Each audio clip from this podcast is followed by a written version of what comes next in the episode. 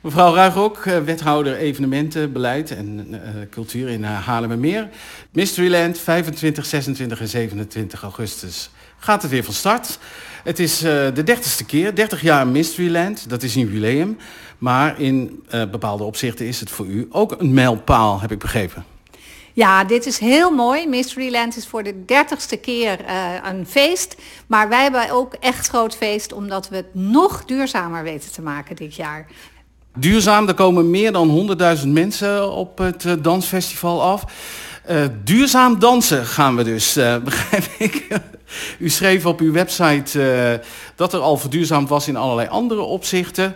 Maar een hele belangrijke stap is dit jaar gezet. Legt u eens uit. Ja, voor IDT is duurzaamheid zeker geen mysterie. En dus op dit Mysteryland komen al die duurzame activiteiten bij elkaar. Uh, zo wordt er statiegeld uh, in, uh, geïnd, hè, zodat het, het, de bekers hergebruikt worden. Het is, de bakjes voor eten zijn van composteerbaar materiaal. De friet komt van de lokale boer, hè, echt van het land daarnaast. Dus er gebeurt zo ontzettend veel. En nu zijn, zijn we met elkaar, met een heleboel partijen, al zes jaar lang bezig... om eindelijk vaste, groene en lokale stroom te krijgen. Kijk eens aan, dat is een hele mond vol. Mensen hebben natuurlijk ook hun mobieltjes bij zich. Allerlei apparaten die uh, moeten draaien. En, en vergeten we vooral de podia niet met uh, verlichting en, uh, en de geluidsapparatuur. vaste stroom, wat moet u daarbij voorstellen?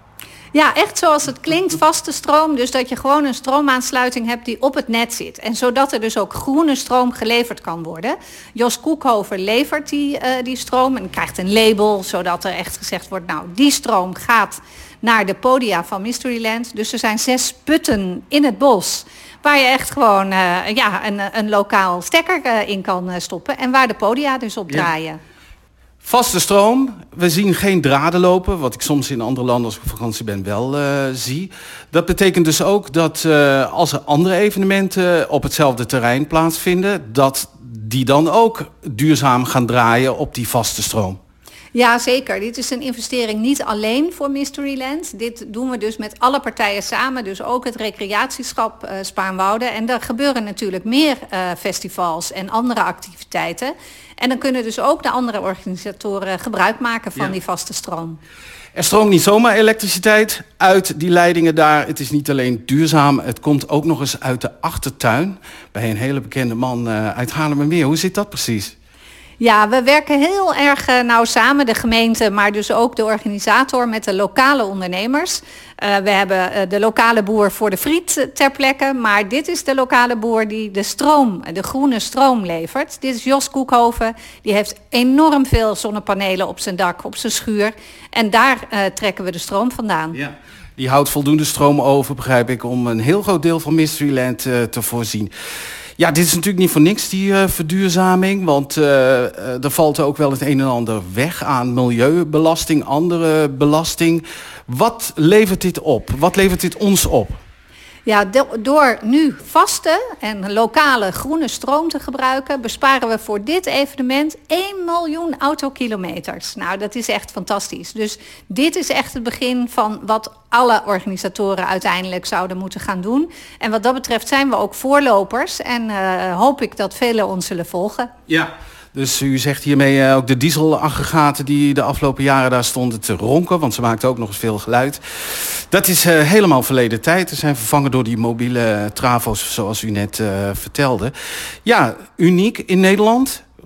Dit, dit is de allereerste keer dat zo'n festival, en niet het minste festival, hè, Mysteryland, een van de grootste, zo niet het grootste in Nederland, op deze manier draait.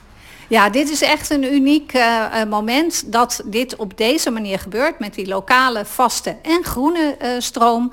En uh, dat is voor het eerst waar, hoe dat op festivalgebied nu plaatsvindt in Nederland. Ja. Dus daar zijn we trots op. Nou, die festivalgangers die komen dit weekend in Drommen, deze kant op. Wat gaan zij daar nou van merken? Nou, zij gaan er op zich nog niet eens zo heel veel van merken, maar zij komen ook op een duurzame manier. Want de meesten komen met het openbaar vervoer, daar hebben we speciale uh, arrangementen voor. En ook uh, met de fiets zullen heel veel uh, mensen komen. Dus ook op dat gebied, op mobiliteit, gaan we heel erg vergroenen. Vrijdagmiddag, de officiële opening van Mysteryland 2023. Uh, bent u erbij bij de officiële opening?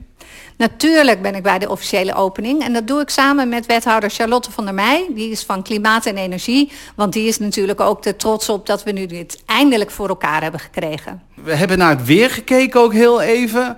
Wat denkt u ervan? Zou het de festivalgangers deren uh, dat het een beetje kwakkelt? Ah, een, een, beetje feestganger die, eh, die uh, kijkt niet op van een, paar druppels. Dus ik denk uh, dat het, ja, het zal misschien een beetje wisselvallig zijn. Maar er zijn ook grote tenten. Ik heb al een paar dingen gezien op het, op het gebied van Mysteryland.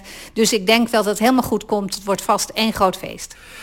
De Formule 1, die vindt ook plaats in Zandvoort. Tegelijkertijd dit weekend met Mysteryland. Levert dat nog extra uitdaging op voor u? Qua verkeer of voor de gemeente of voor de regio? Ja, dit was een uitdaging dat twee van dit soort grote evenementen op hetzelfde weekend uh, plaatsvonden. Dus dat heeft nog wel wat puzzelwerk uh, veroorzaakt.